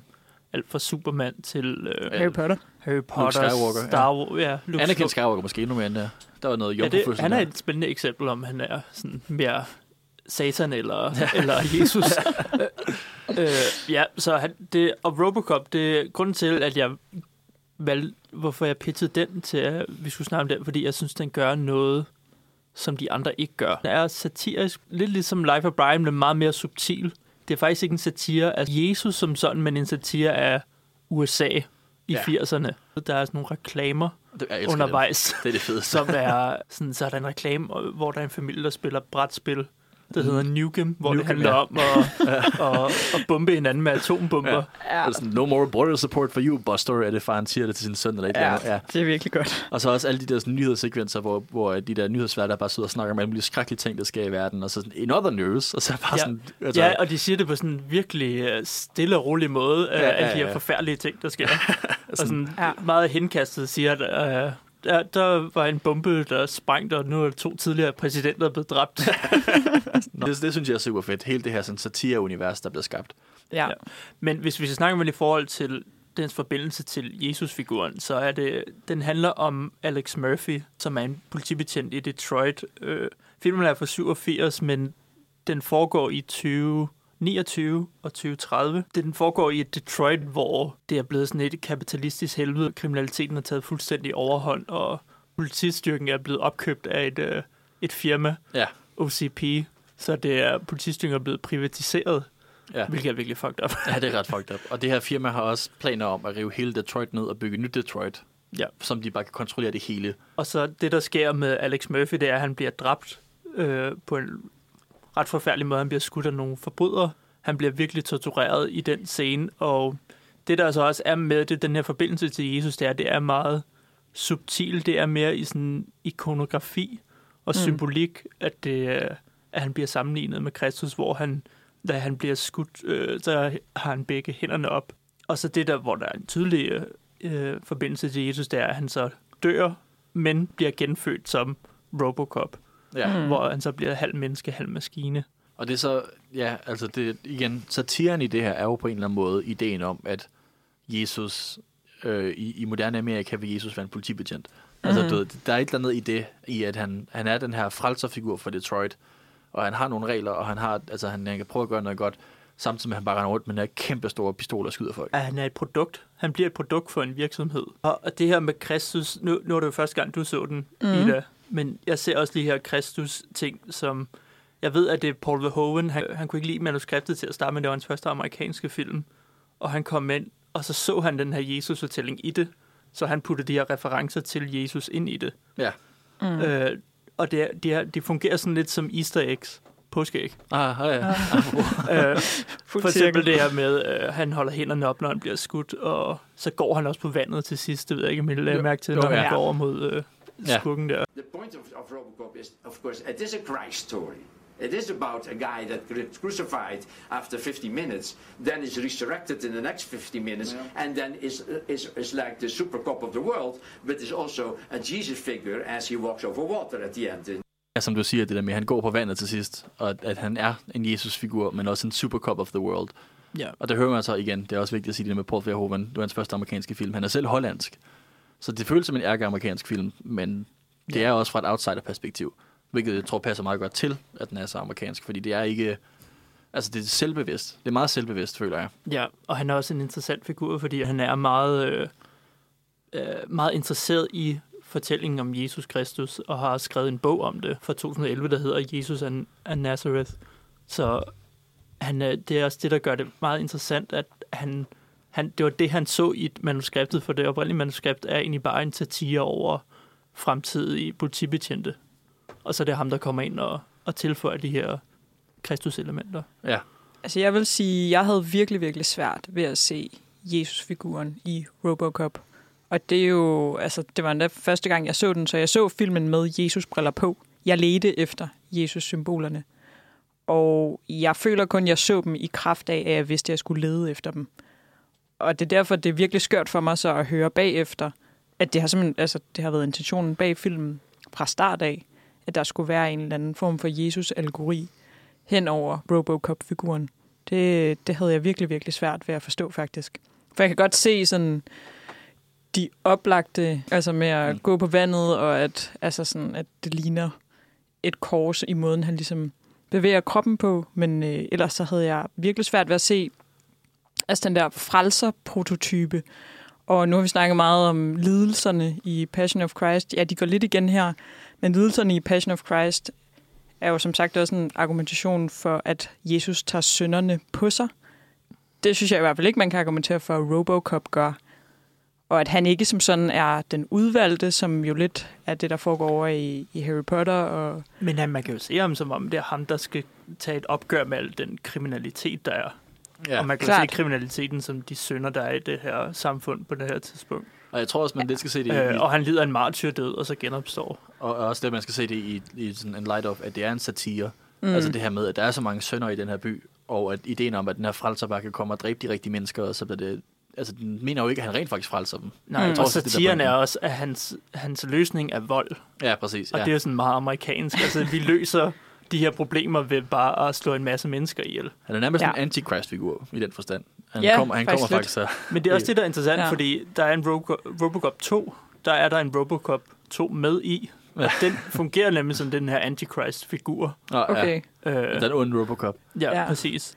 Men hvis vi også, det er godt, du også nævner det, Ida, fordi hele det her med Kristus-figurer i fiktion, man, man skal også, øh, sådan teorien bagved er også, at man skal leve op til flere ting, hvis man skal være sådan en Kristus-figur. For eksempel, øh, at man skal lave mirakler, eller hele andre være meget næstekærlige og tilgive, lidt ligesom vi snakker med Hacksaw Ridge-karakteren og så at kæmpe for retfærdighed. Det kan man jo sige, at Robocop gør. Det er Det en af hans sige. tre uh, directives. What are your prime directives? Serve the public trust, protect the innocent, uphold the law. Og så det her med øh, hans død og, og genopståen. Og så finde sin menneskelighed, ikke? Han, Jo. han, det er jo sådan meget det, etteren handler om, det er, at han, han stadig har minder om hans tidligere liv, og, Ja. og det der med at være et menneske, men alligevel ikke et menneske. Og, og det er så også her, tænker jeg også lidt på øh, Joseph Campbell, som er sådan en professor af litteratur, øh, og, og særligt fokuseret på mytologi, som skrev den her bog, uh, Hero with a Thousand Faces, hvor han detaljerede det, han kaldte The Monomyth, monomyten, hvor, hvor ideen var det her med, at hver eneste gang vi fortæller en historie, så fortæller vi den samme historie, og det er både religion og narrativ og det ene og det andet, som er Jesus-fortællingen. Og det er ikke nødvendigvis, fordi han gør det i et kristent perspektiv, men han snakker også om, om Jesus. Det her med, at at alle historier på en eller anden måde handler om den her person, som der undergår en død, og så bliver genopstår, og så kommer tilbage forandret. Og det kan både være meget bogstaveligt, men det kan også være en metaforisk død. Altså, at man, man mister et it, eller man mister et jeg, eller et eller andet, eller man mister noget i sit liv, som der så gør, at man bliver forandret. Og i den perspektiv kan man jo argumentere for, at næsten alle fortællinger er Jesus. Men der er selvfølgelig også dem, der er mere bogstavelige. Jeg synes også, at den her passer rigtig godt til mm. monomyten. Ja. Så det er ret, jeg synes, det er ret fascinerende teori, han har ham, ham Joseph Campbell her. Det er også dem, han perspektiverer til tidligere religioner, der kom før kristendom, hvor der også er rigtig mange figurer, der dør, og så kommer tilbage, og så noget andet. Og også altså, han perspektiverer til buddhisme og hinduisme, hvor det også er, at man dør og kommer tilbage som noget andet. Det er en rigtig stor del af fortællingen, øhm, som er, er også der sådan, øh, bøjer med vores dødelighed. Ja. Øhm, han var også lidt en idiot, ham Joseph Campbell. Han var rigtig øh, glad for Sigmund Freud, og han, han skrev om, at det her med en stor del af den her monomyte var, at man skulle kæmpe mod sin fader for at vinde sin mors kærlighed. Det var sådan det, han elskede mest i, sådan, i, i den her fortælling. Øhm, og det er så også, øhm, jeg ved ikke, hvad man skulle kalde faderen Jesus, men det er så måske også noget med, han, han, han føjter med Gud, og så vinder han så til sidst kærligheden. Og altså, mors kærlighed i den her forstand er ikke så ødipusagtigt, det repræsenterer også evnen til at kunne skabe liv og kærlighed og sådan noget. Øhm, Men det er så også, nu vil jeg bare lige perspektivere hurtigt til Star Wars, fordi at George Lucas baserede historien om Star Wars direkte på Joseph Campbells The Monomyth. Men det er også derfor, at øh, skurken i Star Wars er hans far, Darth Vader, som han skal kæmpe mod for at vinde over kraften, som er morens kærlighed. Altså, det er direkte fra i den forstand også. Men det, er Mm. også, altså, det er også derfor, at øh, sådan noget som Harry Potter, som du nævner i det, det her med, det også er lidt den samme fortælling. Altså, man kæmper mod en eller anden form for mørk faderfigur for at vinde noget kærlighed, og man dør, og man genopstår. Harry Potter dør og genopstår også. Altså, Mm. mm. det, det er sådan en... Der, Ja. ja. der er meget konkrete eksempler på det, og så er der de mindre konkrete eksempler på det. Og så er der også hele det der aspekt med Messias, der er en profeti om, der er en, der kommer og redder os. For eksempel, hvis du snakker om Anakin Skywalker, der er en Ja. profeti om ham, og Harry Potter også. Mm. Ja. Neo i uh, The Matrix. Ja, det er rigtigt, ja. Ja. Altså, de, de trækker virkelig på den her, den her monomyte, som du snakker om. Men også, at det er sådan på en eller anden måde, at den historie, vi altid fortæller, og det har noget at gøre med, altså det, det er ikke nødvendigvis en, en teori, som er 100% ved godkendt, alle kan lide den. Der er, der er mange, der er uenige med den. Mm. Men det er bare ret spændende perspektiv på, at vi altid fortæller ja. den samme historie, og vi gør det, fordi at vi er bange for døden, og det er derfor, vi repræsenterer døden som en genfødsel. Ja. At det er det, han Mm. i virkeligheden øh, også argumenterer for. Ja. Øhm, Ja. og det er der rigtig meget af. Altså det kan man se over det hele igen, også hvis man tager døden mere abstrakt. I Robocop er det en bogstavelig død. Det er en meget god monomyth-fortælling. Men man kan også godt dø på en abstrakt forstand. Man kan miste noget, og så komme tilbage. Sådan Anakin Skywalker. Mist sin, Ja. sin menneskelighed og blive Ja, præcis. maskine. Ja, men det taler måske også fint nok ind i det her med, at kristendom bare gennemsyrer hele det vestlige samfund. Ja. Og at nu er der den her monomyth, men at vi også læser kristendom ind i værker, hvor det måske ikke skal læses, hvor det måske ikke er tiltænkt, at vi skal læse det ind i det, men vi er så vant til at gøre det, Ja, at vi helt automatisk ser kristne symboler, hvor der ikke nødvendigvis er kristne symboler. ja det er rigtigt. Helt sikkert. Jeg kan også huske, at da jeg blev ældre, øh, der begyndte jeg også bare at se de her, især store franchises. Bare når de ikke vidste, hvad de skulle med deres plot, så trækker de meget på det her Jesus-fortællinger. Ja. Noget af det værste, jeg kan huske, det er Alien-filmene. som øh, de første to er sådan virkelig øh, science fiction, men de er sådan forholdsvis realistiske, og så fra Alien 3 og fremad, så bliver det meget sådan religiøse film, og hele hende her Ellen Ripley-karakteren, hun offrer sig selv i træeren, og så kommer hun tilbage i Alien Resurrection. Ja, men jeg tror ikke, det var ideen, at hun skulle komme tilbage fra starten af. For det, og Ja, det var meningen, hun skulle ofre sig selv, ikke? det var meningen, hun skulle ofre sig selv, ja. ja. Men så, ja, så kommer Resurrection, og den behøver man ikke snakke så meget om. Jeg kan ikke lide den. Øh, Vi snakker kun om den i forhold til emnet her. ja, ja, ja. jeg, jeg, jeg vil gerne forsvare Alien 3 som en ret god film. Jeg synes også, den er god. Ja. Men øh, jeg snakker mere om sådan en Alien franchise, så den sådan Ja, gik det den bevæger vej, sig den sådan, det er der dogne Mm. redskab er sådan, så bringer vi, vi ved ikke, hvordan vi skal fortælle videre, så bringer vi bare karakteren tilbage, Ja, ja det er rigtigt. Ja. kloner Jeg, hende. jeg kommer også lige til at tænke på øh, den øh, Prometheus, som er Ridley Scotts tilbagevending til Alien-franchiset. Mm. Øh, det er sådan en fortælling omkring... Øh, altså, det er i virkeligheden, så går det lidt væk fra de her normale aliens over til noget andet, hvor man sådan, de, det handler... Der er en kristen hovedkarakter, og det handler om, at de sådan skal ud og finde vores skaber, som er en anden alienrace, der har skabt menneskeheden i himlen. Øh, og så finder vi så ud af, at de her, den her anden menneskerace, som er ældre end os, øh, på et tidspunkt blev sur på os og gerne ville dræbe os, og de bare ikke lykkedes i det. Fordi vi havde dræbt Kristus, ikke? Det var, ikke så noget det. det, Nej, det, det var, sådan- fordi det var en deleted, det var ikke en deleted scene, men det var noget, som de havde skrevet i manuskriptet, som var, at, at menneskeheden var blevet for onde, vi var blevet for tavlige for meget krig, og så havde de så sendt en alien ned til os for at prøve at frelse os, og så havde vi korsfæstet ham. Det var noget, de havde skrevet i manuskriptet, men ikke filmet. Og det synes det er ærgerligt, fordi det er så åndssvagt, at Jesus var en alien. Men at det samtidig også lidt passer til den historie, hvor det netop også er noget, noget Altså, den handler jo meget direkte om tro og kristendom og mening med livet og skaberen og sådan noget, men at ideen om, om Jesus som er en fucking alien, der bliver korsfæstet, er også ret sjov. Fordi der bliver det meget bogstaveligt med Ja. kristendommen. Men der er jo mange eksempler. Kan I komme på nogen sådan Kristusfigurer i, på film? Altså, der er Narnia, og der er den jo også udtalt, Ja, at øh, Aslan. Aslan skal jeg forestille at være en løveversion af, af Jesus. Og øh, så Men lige der, om, hvad der sker i Narnia. jamen, der er en, øh, en isheks, som ligesom har overtaget hele Narnia, som er det her fantasi, fantasiland. Og så er der fire børn, som får adgang. Nej, jeg mener bare specifikt, hvad der sker med Aslan. Der er sådan, Nå. der, Jeg var ellers hvad, klar, hvad er men- men Kristus-agtigt helt- over ved? Nej, der var et hvad- budskab. Jamen, det er den her med, at, sådan, at han kommer, når der er behov for ham. Og han Mm. offrer sig på... Er det et stenbord, han Et bliver stenbord, offret ja. på? Ja, og hvor han genopstår. Det er så det der med, at fordi det er isdronningen, der beslutter sig for, at hun skal dræbe Aslan, og han offrer sig så for, øh, ja, ikke for mennesket, men for fantasy For Narnia. her. For Narnia, ja. Ja. Øh, og så beslutter han sig for at dræbe ham på stenbordet øh, for genfødsel. Mm. Det, altså, de kalder det selv, før han dræber hende, hun dræber ham, øh, genfødselsbordet.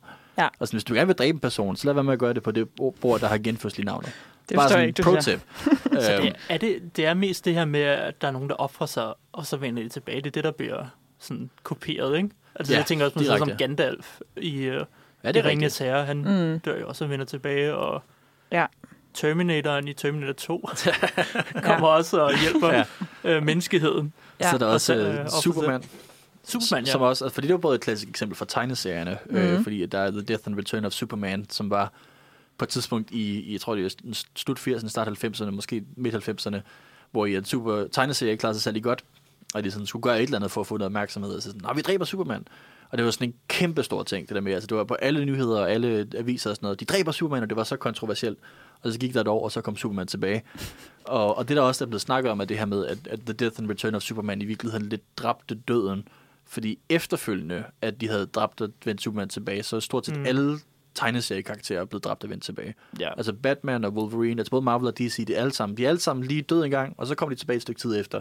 det er rigtigt. Øh, og det, er sådan, det var lidt der, det startede. Som der var det også lidt mere en, du ved, det var et marketing scam i virkeligheden, ikke? Altså, det, Jo, var jo. sådan, det er en meget god historie, men det er stadigvæk sådan, Så er der også hele øh, sådan reboot, er også en form for bare at starte forfra. det er også bare en Genfødelse ja, det er ja, også som nye karakterer. monomyten, ja. Ja. Ja. Øh, men det blev så også filmatiseret i øh, Zack Snyders DC-film, mm. som jo også, der, der, der tager han sådan, den kristne metafor meget ved hånde. Altså det er også, man kan snakke om, at øh, Superman altid har været en, øh, lidt en, en messias-figur, fordi han er jo lidt baseret på Moses. Øh, altså i den her originale fortælling, så det her med, at hans forældre sender ham på et, et rumskib, som lidt minder om den der, hvad hedder det, ikke en krukke, men sådan en Kurv, K, sivkurv. K, ja, som, som ja. blev sendt ned af floden ved, og at han lidt af den her sådan, diaspora, som det hedder, som er et ord for de her jødiske personer, der er, sådan, er fanget væk fra deres kultur, sådan, så de sådan, skal prøve at forholde sig til deres jødedom, på trods af, at de ikke, øh, ja, på trods af, at de ikke har nogen andre jøder at være sammen med, og det er det samme som øh, Superman, han er jo han er fra den her planet Krypton, men han kan ikke rigtig forholde sig til det, fordi der er ikke nogen andre kryptonit- kryptonitter, han kan forholde sig til. Mm. Så han er også en diaspora. Og der er alt muligt i, i den her jødedom fortolkning i Superman. Men hvor at Man of Steel-filmen af Zack Snyder så også gør det meget Jesus-agtigt. Øh, ja. Hvor at han for, altså, ofte er i en kirke, ofte har armene ud til venstre Ja, og højre. der er sådan, rigtig i meget kors. sådan, Ja. symbolik. Virkelig Øh. meget Man of Steel. Men, Men så dør han også så mere- i Batman ja, Superman, det og så vender mere han sig direkte til de andre film. Ja. Så han, han dør og gen, genopstår også i øh, DC-filmene. Ja, men der er også hele det her med superhelte-genren, hvor meget det egentlig også handler om, at vi har sådan nogle helte, der, der redder os, menneskeheden, Ja. nogle messias-figurer. Ja, det er Ja. rigtigt. Øh, det er virkelig udbredt. Jeg ved, at øh, altså, Christian Let, han kalder øh, Jesus for en åndelig supermand. Ja. Og det passer jo, det taler jo fint ind i, at øh, det er en myte, man tit bruger henne i øh, superhelte-genren. Ja, Mm. det er rigtigt. Ja. Det er på en eller anden måde også ham, der sådan etablerer, at nu er superhelte ikke så tit underdogs. Men det er ligesom med, med Jesus og frelser-typen og Messias, mm. at the underdog på en eller anden måde Ja. bliver præsenteret for første gang i ja, de moderne fortællinger, vi ligesom forholder os til i dag. Ja, og han, han kan jo også lave overnaturlige ting, ikke? Jo. Mirakler, sådan helbrede ja. folk og gå for vandet og det hele. Jo, jo. Også, men altså, at det også er Jesus, som ligesom siger, at det er den lille, du kan stole på. Det er den fattige, den, som ikke har så meget, som er, er den, du ligesom skal, skal følge. Og som i Robocop, hvor det er alle de stykke, store, rige mænd, der mm. Tydeligvis er de onde. Det er Ja. jo egentlig også det, Jesus indirekte siger. Ja, Ja. det er jo kapitalismen, der er det onde. Ja, ja, ja. Robocop. Det Det der. er et citat fra Bibelen, hvor det er sådan er, at en, det er nemmere for en kamel at komme igennem et nå- nåleøje, end det er for en, en rig mand at komme ind i himlen. Mm. Altså, hvor Jesus direkte siger, frakast din rigdom, hvis du skal i himlen, for ellers så Ja. kommer det ikke til at gå. Så han er jo antikapitalistisk i en eller anden forstand. Helt sikkert. Ja. Og, Og det der det- med at leve i askese og sådan noget, altid ja. have så lidt som muligt, og aldrig spise for meget. Du må kun lige spise, så du overlever og sådan noget, ikke? Altså, Ja. det, Ja. Ja. Og det er der også lidt i Superman, han repræsenterer også et eller andet form for sådan, du ved, han, det plejede at være Truth, Justice and the American Way, nu har de ændret det til Truth, Justice and a Better Tomorrow øh, for nyligt, for at gøre mere internationalt. Mm. Øh, men det er stadigvæk, at han sådan repræsenterer et eller andet form for godhed, og at han, altså hans ærkerival er Lex Luthor, som er en kapitalist. Altså, du ved, så der er jo også mm. En eller anden forstand, Ja. han kæmper for the little guy. Ja, Øh, ja, det går meget igen det der med, at de kæmper for de, for de svage i samfundet. Grunden til, at jeg foreslog Robocop som den film, vi skulle snakke om, når vi skulle snakke om Kristus figur, det er, at jeg synes, den er meget unik i den måde, den bruger det på, i forhold til mange af de andre film, vi har snakket om, hvor jeg synes, det er meget lidt dovent, så gør vi brug af det, fordi det resonerer, det ved vi resonerer hos folk. mm. jeg kan huske, da jeg læste den sidste Harry Potter-bog, var jeg meget skuffet over, over hvordan det endte. Og ja, jeg synes bare ikke rigtig, der er andre eksempler på, hvor det prøver brugt på sådan en virkelig interessant måde. Jeg kan i hvert fald ikke komme på det. Nej, Nej. Det kan også, jeg måske øh, heller ikke. Også The Matrix, synes jeg også er kedeligt, den måde, de gør det på. Ja, det er okay i den første film.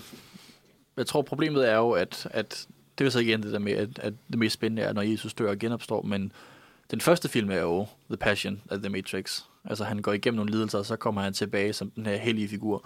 Mm. Og så i Matrix 2 og 3, så har han bare superkræfter. Ja. Altså det start, hvis du startede Og så må han med, ofre sig, ikke? Ja, så må han ofre sig, det er rigtigt. Men det er stadigvæk, hvis du startede Bibelen med, at Jesus med det samme bare sådan blev helliggjort, og han nu havde han forbindelse til Gud og kunne det ene og det andet, og han altså, du ved, aldrig rigtig sådan, blev udfordret på det igen, så er det ikke lige så spændende. Det er også derfor, The Matrix, den første film er rigtig god, og de to andre er sådan lidt, hvad sker der her? Fordi han er jo allerede færdig. Ja. Altså, nu, han er jo bare en super ninja nu. ja, det er ikke lige så spændende. Ja. Ja, men jeg synes bare, det er så kedeligt en trope i film, det der med, at der er en udvalgt, The One. Sådan Ja. en, en massier i næsten alle de her franchises. En af de nye eksempler, det er sådan Dune. Da jeg var inde og se den nye Dune, der var jeg sådan meget træt af den form for tilgang til, øh, Ja. at det var, at han er sådan, Paul bliver set som den her udvalgte. Ja. Jeg elsker, at han hedder Paul. Det er hver eneste gang, Paul, folk siger ja. ordet Paul, fordi det er sådan den her fantasy, eller Han science burde fiction univers. Brian. Ja. Brian Tracy. Brian. Brian. The Life of Paul. Ja. Altså, det er en ting, som er uden at vil spoil for meget, fordi de kommer til at filme det på et tidspunkt, men det er jo en ting, som bøgerne også kommer ind på mere direkte omtaler den her Ja, det messias håber jeg også, figur. de gør. Jeg ved Ja. godt, at der er en, et, øh, at, bøgerne går en mere kritisk vej over for det her Messias, men Ja. hvis jeg baserer det på David Lynch-versionen, hvor det bare er virkelig... Ja, ja. Sådan Men bare, en, han er bare en messias, han er bare god. Men jeg tror også, ja, fordi der er jo Dune af, af David Lynch, det var der, hvor han ikke havde særlig meget kreativ kontrol, og jeg tror også, at i slutningen var nu egentlig i. Ja. Øh, altså, jeg, jeg kan rigtig godt lide mange ting ved David Lynch's Dune, bare fordi Det jeg synes, æstetisk er den rigtig fed og mærkelig og sådan noget. Men der er virkelig også bare den der slutning, hvor i han så, så frelser han verden, og så er det det. Og så sådan, Ja. okay, det var bogstaveligt talt. Ja, det det, det, er jo, bliver- det er jo Sex Machina. Jeg tror er heller ikke, det var hans intention, men det bliver bare den der fortælling Ja. om, at han, han bare, så redder han bare med alle sammen. Ja, præcis. Hvor i den originale øh, bog, øh, der, altså ja, bogserie, der er det jo netop en kritik af frelserfiguren, af sådan lidt ideen med det. Mm. Og han, han skrev netop, øh, altså han skrev den første bog, som er et kæmpe stor mobbedreng, og så skrev han toeren, som er lidt mindre, som i virkeligheden bare sådan er den direkte fortællelse, fordi der var mange, der ikke forstod, at det var en kritik. Ja, Sådan og den Dune hedder Messias. Dune Messiah, Messias, ja. øh, som netop bare var sådan, du ved, det var det her pointen var. Og det var også det, som øh, Denis Villeneuve, som laver de nye film, har også sagt, at han, han gerne vil film, filmatisere både bog 1 og 2 i en trilogi. Mm. Sådan, så den film, vi har lige har set, det er part 1, så kommer der en part 2, og så kommer der Dune Messiah som den tredje film. Ja. Sådan, så han for, formentlig også kommer ind i kritikken af det. Og det håber jeg virkelig, han gør, fordi hvis man bare ser etteren, så får man den der indtryk af, at Paul han er bare den udvalgte. Ja, Mm. Så jeg håber, de laver en, de vender på det, ja. og går lidt mere imod det. Men jeg Ja. tror også, igen, det er en detalje, som måske går lidt tabt, fordi jeg tror ikke, de vælger at bruge ordet i filmen, men fordi Paul starter jo en jihad, som de kalder det i bogen. Han, han starter en religiøs krig. Spoilers. Øh, ej, man ser, man ser et flash forward til det i den første okay. film. Man ser der, hvor han, han, han kæmper, og de snakker om, at han skal starte den her krig, som man er forudset til. Og det er jo det, der er kritikken. Altså, at man følger den karismatiske leder, og så kommer der krig ud af det. Mm. Øhm, igen, Ja. ja. det, det er en lille spoiler, men det er også i den første film, hvis man lytter efter, så jeg tænker, det, det må gå. Så det må man Øh, gøre. Ja, det er- men Dune er også, et, det er også meget inspireret af islam, ikke? Jo, det er generelt religion. Uh, jeg tænkte på, at vi lige her til sidst skulle snakke om, nu har vi snakket meget om franchises og, og Hollywood-film, men jeg tænker også, at der er mange eksempler på sådan en Kristusfigur i sådan mere kunstfilm. Jeg ved ikke, om I har set Breaking the Waves. Jo, er det Øh, rigtigt? Hvor der også er sådan... Jeg, jeg ved ikke, jeg tror, den trilogi, som den er en del af, den hedder sådan noget med næstekærlighed. Gold Heart-trilogien. Ja, Golden Heart. ja Mm. hvor det er sådan en meget, meget øh, sød figur. Hun bliver meget forelsket og gift med en mand, som så kommer ud for en ulykke. Mm. Og så bliver hun så ked af det, at hun sådan bestemmer sig for at ofre sig. Og så offrer sig også spoiler. øh, og så, vil, så udfører hun et mirakel med, at hendes mand kan gå igen. Ja. Mm. Ja, hun tager mange sønder på sig også. Ja. Og det, hun er selv kristen, og der er alt muligt med det. Mm. Mm. Så det er, det er helt klart ja, en, en direkte Jesus-filmatisering. Synes du, frelsertypen fungerer bedre over hos kunstfilmene, end hos de mere kommercielle Hollywood-film? Mm. Jeg ved ikke, altså jeg er ikke en stor fan af den form for figur. Altså min yndlings er Robocop, hvor det er meget, meget øh, sådan, som Ja. du også sagde, svært at få øje på. Hvis ikke man, man ved, ikke- man skal lede efter det i hvert fald. Ja, Øh, så nej, ikke umiddelbart. Altså, jeg tror, der er en større sådan, lyst til at fortælle den historie i Mhm. en kunstfilm. Jeg synes bare, at det, jeg ikke kan lide ved franchise, det er, at jeg synes, det føles så dovent. Ja. Mm. Øh, og især sådan superhelte-genren, synes jeg, jeg jeg er blevet virkelig træt af, fordi det er bare så ensformigt. Ja, det er jo mere bare, at de laver ensformige film. Ja, det vil mere bare formatet. Når Ja. ja. bare sådan helte-genre, når man har brug for helte. Når man har brug Ja, for en, der, der redder os. Mm. Det er Mm. sådan, det, jeg tror bare, jeg er træt af de, for, de historier. Det er rigtigt. Ja. Ja. Der er jo også rigtig mange, også lidt Man of Steel i virkeligheden, men der er jo, altså, det er en ting, som jeg synes er ret spændende omkring Superman specifikt, at der er rigtig mange versioner af onde Superman nu. Altså, vi har mistet tilliden til ham. Mm. Der, er, der er The Boys på Amazon, der er Invincible, som jeg også tror er Amazon, som også er basically den samme fortælling, som begge to handler om, hvad hvis Superman var ond. Er det ikke sådan lidt antichrist-agtigt? Jo, det er det, men jeg tror også bare, at vi sådan, du ved, den her frelserfigur, vi stoler ikke rigtig på om længere. Mm. Vi kan måske tale om, hvor- vi er i dag. Uh, der er også en anden tegneserie, der hedder Irredeemable, uh, Mark Waid, som er rigtig fed, som jeg også tror, de filmatiserer på et tidspunkt. Men det er også bare sådan, de har allerede fortalt en historie i The Boys og Invincible, fordi det er, den, altså, det er den samme fortælling omkring Superman, der er ond.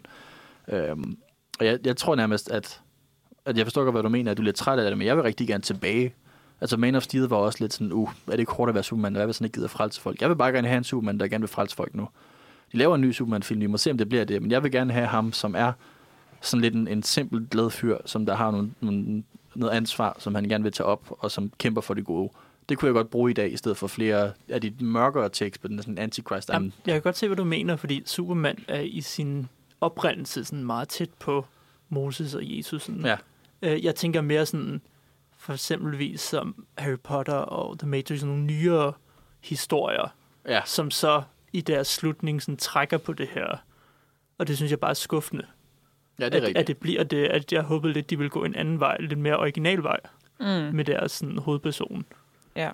Der, der tror jeg måske bare heller ikke, man skal underkende, hvor meget genkendelighed gør godt for sådan nogle kommercielle storfilm, når de skal sådan, når det er den brede befolkning, der skal spises af med det. Ja. Hvor glade vi er for, altså apropos hele din snak om Myth One, var det Ja, det, den hed? Mon- Monomyth, ja. Ja. One Myth. Ja. Simpelthen. Ja. Ja. ja. At, altså sådan, vi bliver også ved med det, fordi det fungerer. Ja. Ja. At det er Mhm. rart at høre den samme historie, og altså, Ja, det også selvom det, er, fordi det jeg ikke ikke er religiøs. At det Ja. er bare sådan, ej, jeg vil gerne noget andet, fordi hvis man er meget religiøs, så kan det være, det er meget, meget fedt at få Jeg tror, ikke, det, jeg tror ikke, det handler om religiøsitet. Jeg tror, det handler om, at du er en filmnørd, og at du godt kan lide originale slutninger på en eller Jeg anden ved måde. jeg ikke, om det er rigtigt. Altså, jeg, jeg synes faktisk, der er et eller andet ved det, at sådan, jeg har ikke brug for, at en, sådan, en ny fantasy-fortælling bliver sådan en allegori over kristendom. Mm. Altså det, eller Matrix, sådan sci-fi. Jeg synes, det er sådan... Ja. Prøv at trække på noget andet. ja, det er rigtigt. Mm. altså det, det, det synes jeg bare er... Det er meget forudsigeligt. Klart. Ja. Og altså, det er jo noget også bare fordi det med, med at være kristen eller ej. Fordi det er netop det, som Monomyth også argumenterer for, er jo, at vi alle sammen har en dødsangst, og det er derfor, vi godt kan lide fortællingen omkring en karakter, der overvinder døden. Og det er jo, igen, Monomyth vil argumentere for, at det er alle film. Men det er rigtigt det med, at, at på en eller anden måde, så skal det være, at alle helte offrer sig til sidst, og så kommer tilbage, meget bogstaveligt, dør, og så vender tilbage.